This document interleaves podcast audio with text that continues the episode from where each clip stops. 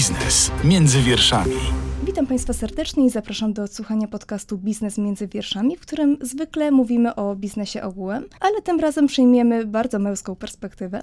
Ja nazywam się Katarzyna Witwicka, a moim i Państwa gościem jest Paweł Musiałek, dyrektor Centrum Analiz Klubu Jagiellońskiego. Dzień dobry. Dzień dobry. Przemilczanych tematów w naszym społeczeństwie jest wiele, a jeden z takich tematów to cicha dyskryminacja, czy może niedyskryminacja mężczyzn. I o tym dzisiaj będę rozmawiać z moim gościem, ponieważ właśnie Klub Jagielloński opublikował raport pod hasłem Przemilczane nierówności. Zanim jednak przejdę do pytań, gdzie są te nierówności, gdzie je szukać, to zapytam, dlaczego o tych nierównościach, jeśli chodzi o mężczyzn, mówi się mniej. Zacznę może od takiej refleksji dotyczącej tytułu. Myśmy długo dyskutowali w klubie odnośnie tego, jak nazwać tą sytuację, z którą mamy do czynienia. Oczywiście naturalnym słowem, które przychodziło na myśl, była dyskryminacja. Natomiast zrezygnowaliśmy z niego nieprzypadkowo. Otóż dyskryminacja w naszym odbiorze jest to taka sytuacja, w której ktoś e, jest dyskryminowany w sposób celowy, a więc to musi być jakaś świadoma intencja. I biorąc pod uwagę te problemy, które wzięliśmy na warsztat, mm, chcieliśmy zwrócić uwagę właśnie na te problemy, że one występują, ale jednocześnie zwrócić uwagę na to, że to nie jest tak, że ktoś celowo do tych problemów doprowadzi, czy stoi tu jakaś intencja, czy ze strony kobiet, czy ze strony innych mężczyzn, żeby te problemy pogłębiać. Więc celowo używamy słowa nierówności, bo wydaje mi się, że ono dobrze oddaje sytuację mężczyzn w niektórych obszarach naszego życia. Ten raport jest takim raportem zaczynającym dyskusję, a nie kończącym. To znaczy, myśmy pokazali na liczbach pewne zjawiska, natomiast one absolutnie wymagają jeszcze dalszych prac, chociażby pozwalających odpowiedzieć, jakie są źródła tych, tych zjawisk. A drugi aspekt to, to jest, są rekomendacje, czyli co z tym zrobić. I tutaj też nasz raport nie jest w żaden sposób radykalny. My oczywiście pokazujemy e, jakieś ogólne kierunki, ale również nie mamy takiego wrażenia i nie chcielibyśmy tworzyć takiego wrażenia, że, że ten raport e, potrafi odpowiedzieć na wszystkie problemy, które tam są zidentyfikowane. Natomiast no, ten raport mówi tyle, a, a nie więcej. E, a bardzo często przypisuje się pewną interpretację, która, która naturalnie idzie, idzie dalej, co zrozumiałe, bo ten temat wzbudza w opinii publicznej różne emocje, ale, ale ja tutaj będę, jeżeli są tego typu interpretacje, to będę, będę prostował i, i pokazał, co ten raport mówi, a nie czego nie mówi. Bez względu jednak na formę interpretacji tego raportu, to myślę, że jest to jednak wypełnienie pewnej luki. Jeśli chodzi o płeć przeciwną, raportów jest dość dużo. Nie mówimy tutaj wyłącznie o nierównościach, ale o dyskryminacji kobiet. Ale tutaj nasuwa mi się kolejne pytanie, ponieważ napisali Państwo w raporcie, że raport jest niejako oderwany od sytuacji kobiet. Nie patrzymy na problemy mężczyzn przez pryzmat kobiet. I teraz pytanie, jak właśnie rozpatrywać te trudności, jakie napotykają na drodze mężczyźni, bez żadnego punktu odniesienia, bez porównania z sytuacją kobiet. Nawiązałbym jeszcze do tego, co Pani na początku powiedziała. Myśmy nazwali ten raport Przemilczane nierówności no, z tego względu, że te nierówności, o których piszemy, to nie są zjawiska, które są badaczom nieznane. Znaczy, to jest tak, że autor Miał Gulczyński, socjolog, który e, ten raport e, napisał, zwraca nam uwagę przed napisaniem raportu, że miał duży, duży problem, żeby przebić się z tym tematem gdzieś, e, nazwijmy to na salony, także naukowe. Dlaczego? Dlatego, że wszyscy mówili, no skoro głównym problemem współczesnego świata, przez wielu tak to określane jest, jest problem nierówności pokazującej gorszą pozycję kobiet, no to pokazywanie jakiegoś, jakichś aspektów, gdzie to mężczyźni mają gorszą pozycję, no totalnie zaburza tą, tą logikę, totalnie zaburza tą narrację. Ale jeszcze raz powtórzę, to nie jest tak, że chcielibyśmy tutaj dokonać jakiejś rewolucji pokazującej, że nie, no, no dzisiaj to mężczyźni są pokrzywdzeni i cała e, opinia publiczna powinna być skierowana jakby w stronę mężczyzn. Pokazaliśmy pewne problemy społeczne z perspektywy płci, e, z perspektywy mężczyzn, natomiast tam w raporcie nikt nie znajdzie żadnego, nie wiem, krytycznego słowa w stronę, w stronę kobiet, ani tym bardziej obwiniania kobiet. Chciałabym omówić same źródło problemów nierówności mężczyzn, a to wszystko bierze się od lat dziecięcych, od momentu, kiedy chłopczyk, dzieci idą do szkoły, i co w tej edukacji poszło nie tak, bo napisali Państwo w raporcie, że brakuje męskich wzorców, że zawód nauczyciela jest bardzo sfeminizowany. Raport jest dość skąpy, jeśli chodzi o odpowiedź na e, Pani pytanie.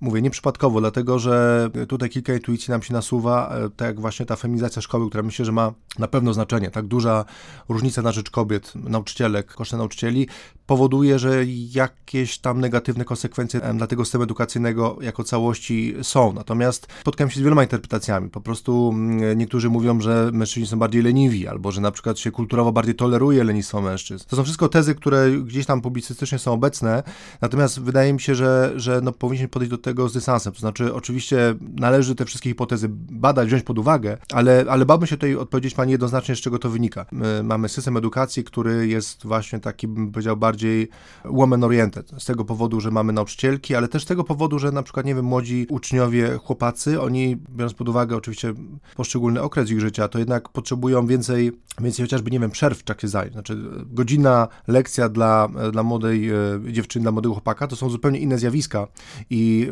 to są takie drobiazgi, które można powiedzieć, że nie przekładają się na, nie wiem, finalne wyniki, ale, ale gdzieś tam pokazują, że ten system e, czy nie odpowiada na potrzeby mężczyzn, czy może inaczej, są jakieś bariery, które należy zidentyfikować po to, żeby faktycznie mężczyźni w tym systemie się odnajdywali, żeby mogli, że tak powiem, w tym momencie dorównać kobietom.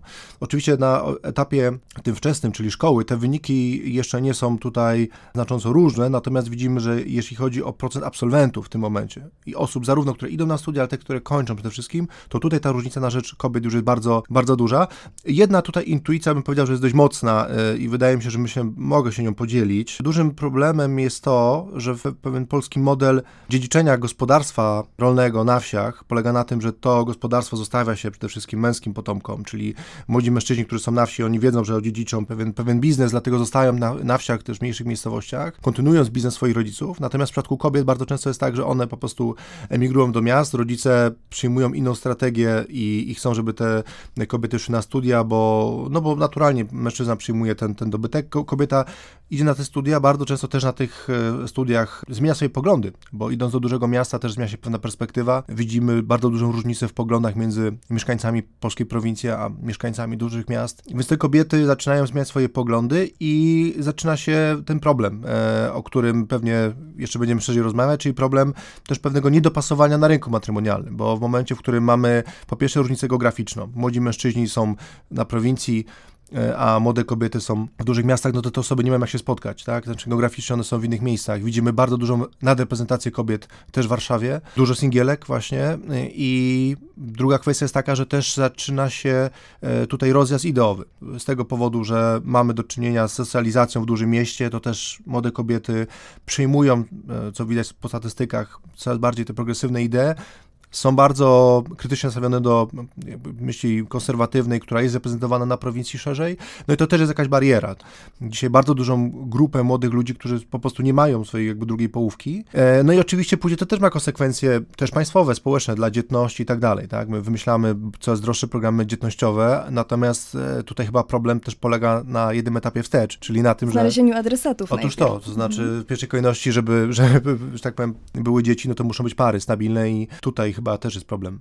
Pozwolę się jednak wtrącić nieco w ten temat i zauważyć, że jednak powodem tego, że są problemy matrymonialne na, na, rynku, nie jest to, że kobiety uciekły do miasta, że się kształcą i tak dalej, tylko problem leży w zarodku, czyli w edukacji mężczyzn i e, tak samo krzywdzących stereotypów odnośnie mężczyzn, jakie też stereotypy panują w przypadku kobiet.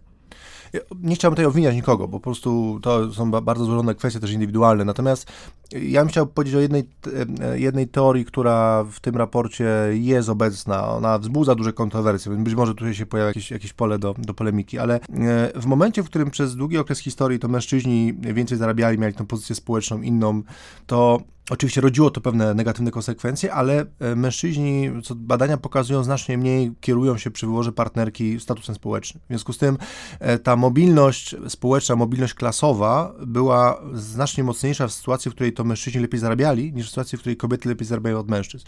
Badania pokazują, że kobiety wybierają mężczyzn, którzy są przynajmniej na takim samym poziomie statusu, który można rozumieć w sposób szeroki. To nie jest tylko kwestia materialna, to też jest właśnie kwestia też wykształcenia i tak dalej. E, I, tu się zaczyna problem, w momencie, w którym to kobiety zaczynają e, być lepiej wykształcone od mężczyzn i one nie chcą brać tych mężczyzn, którzy są gorzej wykształceni, no to istnieje pewien, pewne niedopasowanie.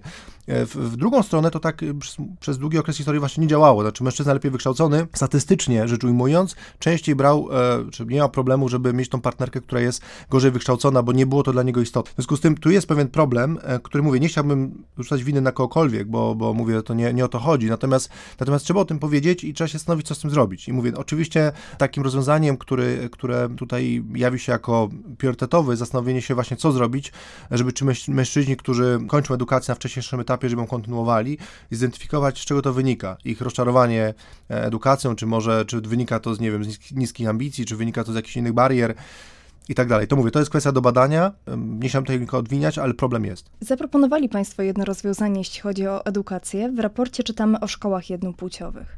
Trochę po wycieczka w przeszłość. Teoretycznie mogłoby się wydawać wycieczka w przeszłość, natomiast jest to, jest to dość, bym powiedział, rozwiązanie konserwatywno-progresywne. Dlaczego? Dlatego, że... To trochę się wyklucza tak, tak może się mhm. wydawać. Natomiast na czym ten, ta koncepcja polega? Zresztą to jest, my piszemy chyba o tym w sposób taki bardzo, jako pewien eksperyment, żeby to, jakby to sprawdzić. Natomiast kluczowym celem tego pomysłu jest to, żeby przećwiczyć zarówno mężczyzn, jak i kobiet w różnych rolach społecznych. I to jest ciekawe, bo właśnie bardzo często właśnie ten dyskus feministyczny podkreśla to, że nawet jeżeli dzisiaj wiele kobiet ma konserwatywne poglądy, dlatego że został ten konserwatyzm stłoczony do głowy i gdyby ich proces rozwojowy, edukacyjny przebiegał inaczej, miałyby inne poglądy, prawda? W związku z tym e, sposobem na to, żeby, żeby jakby wyrwać się z tego konserwatyzmu jest to, żeby te młode kobiety od początku ćwiczyć też w innych rolach, prawda? Jeżeli mamy dzisiaj problem kobiet, które, nie wiem, nie, niewystarczająco mocno biją się o, nie wiem, o władzę, w, nie wiem, czy w firmach, czy w polityce i tak dalej, to dlatego, że my je uczymy tego, że w szkole właśnie one mają być to bardziej posłuszne i tak dalej. My, mężczyznom dajemy przyzwolenie na to, żeby byli, nie wiem, bardziej agresywni, bili się, no bo to są chłopacy. I teraz szkoła, która ma, e, która jest jednopłciowa, czy klasy, które są jednopłciowe, one wymagają tego, żeby w ramach jednej płci przećwiczyć się w różnych rolach. To znaczy, jeżeli mamy wybór przewodniczącego w klasie, no to już nie mamy takiej sytuacji, w której wyrywa się dwóch chłopaków, którzy wyrywają się do wszystkiego, no tylko trzeba wybrać tego przewodniczącego spośród kobiet, prawda? Czy ktoś tą rolę liderską musi pełnić, e, prawda? Tak samo wśród y, mężczyzn. Jeżeli są sami mężczyźni, to też ktoś tam musi pełnić rolę w tej grupie, kto jest na przykład tak osobą rozładowującą też napięcia, no bo nie ma tych kobiet, które zaczęły tego robiły. Więc idea y, tych, y, tych szkół, która tam się pojawiła, aczkolwiek mówię, to nie jest, to nie jest, żeśmy też byli precyzyjni, to nie jest dzisiaj propozycja, którą my uważamy, że należy wprowadzić od teraz do wszystkich szkół w Polsce, tylko należy przećwiczyć modelowo, czy takie rozwiązanie nie byłoby, nie byłoby jak na zasadzie eksperymentu owocne. Mówię, ja uważam, że ten eksperyment jest ciekawy, a chociaż sam też chciałbym zobaczyć efekty, czy faktycznie te intuicje, które przedstawiłem, tej edukacji, która polega na tym, że mamy osobną klasy czy jednostki właśnie mężczyzn i kobiet. Cel jest słuszny, ponieważ celem jest zniwelowanie krzywdzących stereotypów.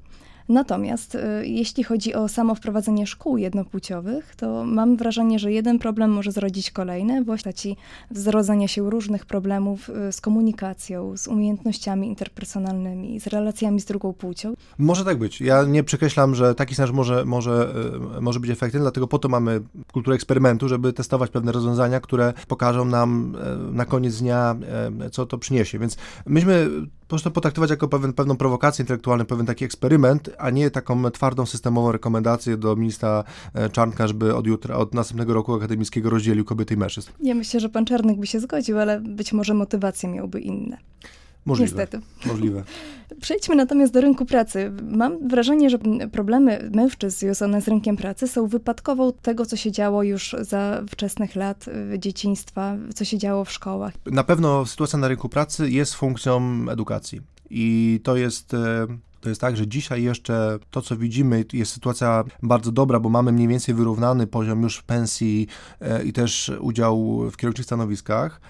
Natomiast to, co w tym raporcie uważam jest świeżego, to to, że istnieje duże ryzyko, że za niedługo te role się odwrócą. To znaczy, to kobiety będą zarabiały dużo więcej, dlatego że ten poziom wykształcenia jest mocno skorelowany po prostu z poziomem też zarobków i dzisiaj już mamy e, jedno województwo, gdzie kobiety zarabiają więcej, to jest województwo podlaskie, żeby było zabawniej, bo nie kojarzy nam się przecież jakimś szczególnie nie, liberalizmem kulturowym, ale tak jest. Oczywiście to też jest tak, że te dane, na te dane trzeba patrzeć jednak z pewnym dystansem, bo dużo rzeczy się dzieje na polskim rynku pracy pod stołem i, i jakby nie wszystkie te pensje są rejestrowane. Natomiast to, co dzisiaj dane pokazują, to to, że jeśli chodzi o ogólny poziom zarobków, to oczywiście w wielu województwach mężczyźni zarabiają więcej, ale z tego powodu, że więcej pracują. Znaczy, jeśli chodzi o stawkę godzinową, to ona już jest w bardzo wielu województwach taka sama, zaczęły być województwa, które to kobiety zaczęły zarabiać więcej. Więc w momencie, w którym te teraz nowe pokolenia absolwentów wchodzą na rynek pracy, a tych absolwentów jest zdecydowanie więcej po stronie kobiet, można się spodziewać, że za niedługo kobiety będą zarabiały e, więcej od mężczyzn, szczególnie, że jeżeli mamy do czynienia z zmianą też charakteru pracy, mamy do czynienia z automatyzacją, mamy do czynienia z odchodzeniem od takich fizycznych prac, gdzie jednak mężczyźni tutaj, przy czym fizycznych, dominowali, no to to będzie dodatkowy czynnik, który będzie pogłębiać te nierówności płacowe. W skali całej Unii Europejskiej luka płacowa na niekorzyść kobiet jednak wynosi 14%. Ja myślę, że naprawdę potrzebujemy jeszcze dziesiątek lat, żeby przynajmniej pensje były na równi. Jeżeli y, mowa o poziomie całej Unii, to być może tak jest, natomiast na poziomie Polski, Polska tam jest bardzo wysoko, chyba trzecie miejsce ma w Unii Europejskiej pod względem tego gapu. Te pensje w zasadzie, mówię, one się różnią, ale różnią się z tego powodu, że mężczyźni więcej pracują godzinowo, tak? E, dlatego, że dominującym modelem w Polsce kulturowym jest sytuacja, w której obydwoje już rodziców pracuje, jeżeli są dzieci, ale to bardzo często mężczyźni biorą nadgodziny w pracy po to, żeby dorobić do pensji, a kobiety te nadgodziny spędzają w domu. System emerytalny jest niezwykle ciekawy pod tym względem, pod względem tego, jak traktuje kobiety i jak traktuje mężczyzn. Michał Gulczyński zrobił taki eksperyment, który e, polegał na tym, że e, wyliczył to, jak e, dużo mężczyźni do tego systemu i kobiety wkładają i wykładają. Wkładają oczywiście w czasie swojego w czasie swojej kariery zawodowej, i biorą w czasie, kiedy są na emeryturze. No i tutaj faktycznie wniosek jest szokujący, dlatego że kobiety z tego względu, że po pierwsze pracują statystycznie krócej i żyją dłużej, ta relacja między tym, ile wkładają, ile wykładają, jest, jest radykalnie inna niż w przypadku mężczyzn. Faktycznie kiedyś nie było to problemem z prostego względu, bo jeżeli gospodarstwo domowe traktowaliśmy jako całość, czyli kobiety i mężczyznę, która, które, którzy żyją w jednym domu, oczywiście nawet jeżeli dzieci, wnuki już wyszły z domu, no to mamy do czynienia z jednym gospodarstwem domowym i to, czy ta kobieta więcej z tego systemu bierze, nie było problemu, bo ona te pieniądze brała i jakby wrzucała do tej wspólnej skarbonki, prawda? Więc jeżeli rozpatrywaliśmy system emerytalny z punktu widzenia ca całości gospodarstwa domowego, to nie jest to problem. Ale w momencie, w którym zaczynamy, no, traktować coraz bardziej w sposób indywidualistyczny naszą kulturę i mamy też coraz więcej singli, którzy też w przyszłości będą singlami i też na emeryturze będą singlami. W związku z tym ta perspektywa tego gospodarstwa domowego już nie jest taką perspektywą e, oczywistą, e, no to należy zadać sobie pytanie, czy to jest faktycznie e, sprawiedliwy podział, w którym, w którym faceci wkładają znacznie więcej niż, niż wykładają. W perspektywie, mówię, całości życia to są dość duże kwoty. Oczywiście tu też pojawi się pewnie długa dyskusja i słusznie, podkreślająca, że no, kobiety żyją dłużej, ale dlaczego? Chociażby dlatego, że lepiej dbają o zdrowie.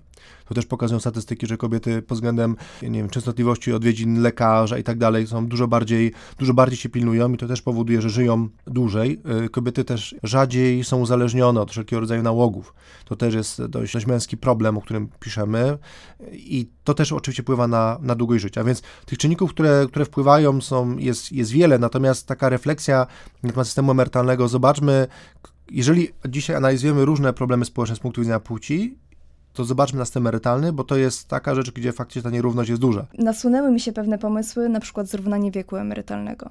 Chodzi mi o to, żeby wprowadzić równość, bo paradoksalnie na nierówności mężczyzn bardzo tracą kobiety emerytki. Ja jestem zwolennikiem wyrównywania wieku, nawet powiem więcej, odważę się powiedzieć, że jestem zwolennikiem też podwyższenia wieku emerytalnego, bo po prostu takie są dzisiaj nasze realia gospodarcze, że mamy coraz mniej dzieci, a coraz więcej osób wchodzi w ten wiek pozemerytalny, więc no, żeby ten system po prostu się nie zawalił, my musimy zmienić e, ten poziom obciążeń między tymi pokoleniami, które dzisiaj pracują, a tymi pokoleniami, które nie pracują, są na emeryturze, więc ja rozumiem, że społecznie to, co mówię, jest bardzo niepopularne. Na szczęście nie startuję w wyborach, więc mogę sobie pozwolić na pewno dozę szczerości. Więc na pewno podwyższenie wieku i wyrównanie na pewno też. Nie ma moim zdaniem uzasadnienia, dla którego dzisiaj kobiety miałyby wcześniej iść na emeryturę. Jak najbardziej ten postulat popieram.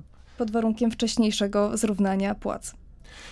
Tylko płci. pytanie jest, y, co pani przez to rozumie, bo, bo wiek emerytalny jest regulowany ogólnie państwowo, natomiast płace są regulowane przez poszczególne przedsiębiorstwa. I teraz jest pytanie, czy na przykład, nie wiem, czy my powinniśmy prowadzić politykę państwa polegającą na tym, że mamy mówić firmom, ile mają płacić. Wiem, że był taki pomysł... To się nie sprawdzi, żaden oczywiście, nakaz się nie sprawdzi. Oczywiście, nigdy. oczywiście, więc ja, ja uważam, że y, to, co jest taką ciekawą propozycją, ja to znalazłem, nomen omen, tu może państwa zdziwię, ale w programie Prawa i Sprawiedliwości sprzed kilku lat. Tam był taki postulat, żeby dążyć do większej transparentności pensji w poszczególnych e, firmach.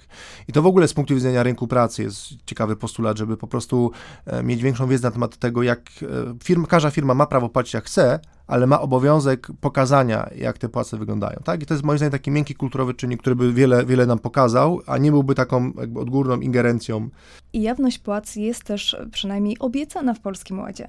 Tak. Ma, ma być ujawniana średnia zarobków kobiet i mężczyzn. Tak, no ja uważam, że to jest ciekawy kierunek z tego też powodu, że po prostu jeżeli zależy nam na transparentności życia publicznego, e, pewnego, pewnej szerszej idei, nie tylko jeśli chodzi o płacę, to, to, to jest dobry kierunek, prawda? Jakby te, więcej informacji w tych tematach pozwoli też ten rynek pracy uczynić bardziej ogólnie transparentnym i, i ma to wiele korzyści. Słuchasz podcastu Radia Z. Pozwolę sobie zauważyć, że emerytura kobiet jest nieco niższa też przez to, że są częściej niż mężczyźni na urlopach macierzyńskich. Tutaj płynnie chciałabym przejść do tej kwestii. Są pewne role, których mężczyźni nie przeskoczą. To znaczy, to jest tak, że dziecko na wczesnym etapie, to też każdy psycholog powie, no jednak potrzebuje tej matki w sposób, w sposób intensywny, no i to się odbija na rynku pracy. Nie ma jakby dobrego rozwiązania, które by spowodowało, co zrobić, żeby kobiety miały taką samą pozycję na rynku pracy jak mężczyźni. Znaczy w sytuacji, w której kobieta zawsze potencjalnie to dziecko chociaż może mieć dla pracodawcy, jest to e, pewne ryzyko i wiem, że to jest oczywiście język trudny i, i dla wielu może się wydawać e, to nieakceptowalne, no ale tak jest, że niestety przedsiębiorcy też zatrudniając kobiety, szczególnie młode, mają to na uwadze, więc tutaj jakiś rodzaj oczywiście rozwiązań, które by szczególnie promowały kobiety, szczególnie mówię w tym okresie, w którym mają jedno dziecko i zastanawiają się nad drugim, to to jest bardzo, bardzo ważny okres, w którym te kobiety na tym rynku pracy powinny otrzymać wsparcie, bo to jest ten czas, w którym one rozważają, czy te dzieci mieć w większej ilości, czy, czy nie. I, i uważam, że e, faktycznie tu jest jakieś jeszcze pole do zrobienia dla, e, dla polskiego rządu, ale też bardzo dużo do zrobienia na, na polu takiej praktyki polskich firm. Znaczy nie, nie wszystko da się odgórnie regulować, o tym rozmawialiśmy. I ja myślę, że polskie firmy będą i tu jest pewne, pewna optymistyczna nuta, będą zmuszone do tego, żeby tworzyć te warunki coraz lepsze z prostego względu. Dzisiaj tych pracowników brakuje. E, na rynku pracy. Coraz więcej osób odchodzi z rynku pracy na emeryturę, mniejsza ilość wchodzi na ten rynek pracy. GUS podawał, pamiętam, z dwa lata temu taką informację, że 150 tysięcy osób co roku to jest ta luka, która, którą potrzebuje polska gospodarka, która się dynamicznie rozwija.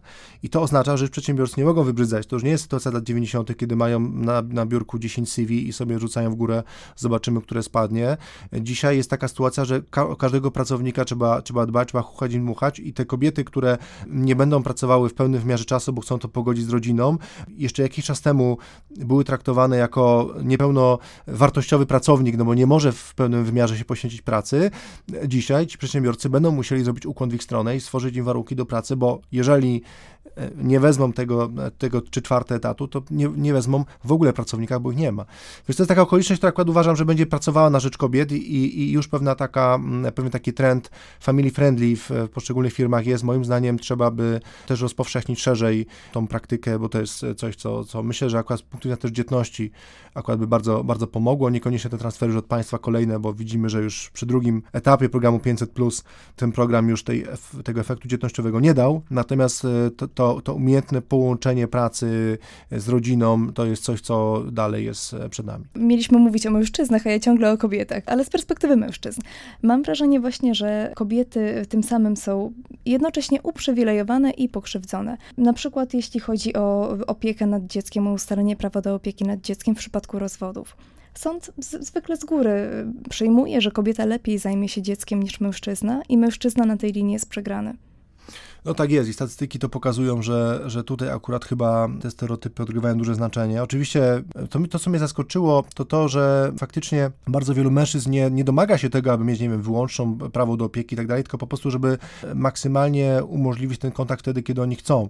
I tu, to jest jakby problematyczne, że to jest jakby dość mocno limitowane. Więc myślę, że tu jest taki obszar, którym należy się zająć. Intuicja mi podpowiada, że niebagatelny wpływ na to ma też to, że jednak te sądy też są dość mocno feminizowane, więc być może też ta perspektywa kobiet sędzin jest taka, że no, uważają, że te kobiety lepiej w sytuacji rozwodu już zajmą się tym dzieckiem niż, niż mężczyzna, i, a wiemy, że z punktu widzenia rozwojowego, no zarówno ta rola matki i ojca jest niezwykle ważna, więc później ma swoje negatywne konsekwencje, jeżeli te, te ograniczenia czy w stronę kobiet, czy w stronę mężczyzn się odbywają, więc mówię, powinniśmy dążyć do tego, aby maksymalnie w szerokim zakresie dziecko mogło się kontaktować zarówno, zarówno z matką, jak i ojcem. Raport jest przepełniony statystyką. Mowa tam o tym, że mężczyźni rzadziej kończą studia, częściej zdarza im się uciekać z domu, wcześniej zaczynają pracę, prowadzą niezdrowy tryb życia itd. Tak I zastanawiam się, na ile my mówimy o nierównościach, a na ile o potrzebie jakichś zmian systemowych właśnie. Zmian instytucjonalnych, zmian w przepisach, zmian w edukacji i na każdym innym poziomie życia.